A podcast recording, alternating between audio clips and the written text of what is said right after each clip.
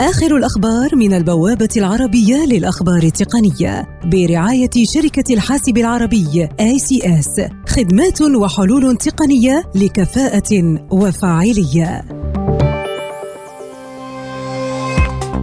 اتصالات تعلن أن خدمات شبكة الجيل الخامس 5G فائقة السرعة أصبحت متاحة الآن لاستخدام جميع عملائها في دولة الإمارات العربية المتحدة وذلك للمرة الأولى في منطقة الشرق الأوسط وشمال إفريقيا. شركة جوجل تعلن عن إطلاق تحديث جديد لخدمة الخرائط التابعة لها يتضمن ميزة تسمح للمستخدمين بمعرفة أكثر الأطباق تفضيلا في المطاعم قبل التوجه إليها من خلال عرض كيفية الوصول إلى المطاعم والصور والتعليقات والتقييمات. مايكروسوفت تتحدث عن نظام تشغيلي عصري في معرض كومبيوتكس في تايوان إذ ألمحت الشركة أنها تريد تطوير نظام تشغيلي متعدد المنصات أبل تدافع عن متجر التطبيقات التابع لها من الانتقادات المتزايدة بسبب تعاملها مع المنافسين، خاصة بعد نية الاتحاد الأوروبي فتح تحقيق في قضية مكافحة الاحتكار التي رفعتها سبوتيفاي على أبل في هذا الشأن.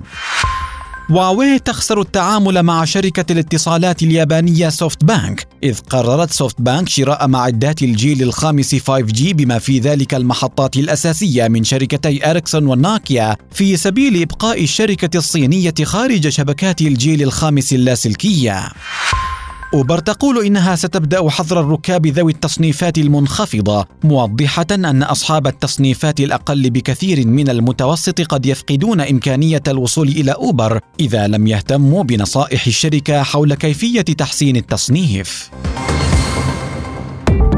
آخر الأخبار من البوابة العربية للأخبار التقنية برعاية شركة الحاسب العربي ACS خدمات وحلول تقنية لكفاءة وفاعلية لمزيد من تفاصيل هذه الأخبار وأخبار عديدة يمكنكم زيارة موقع البوابة على شبكة الإنترنت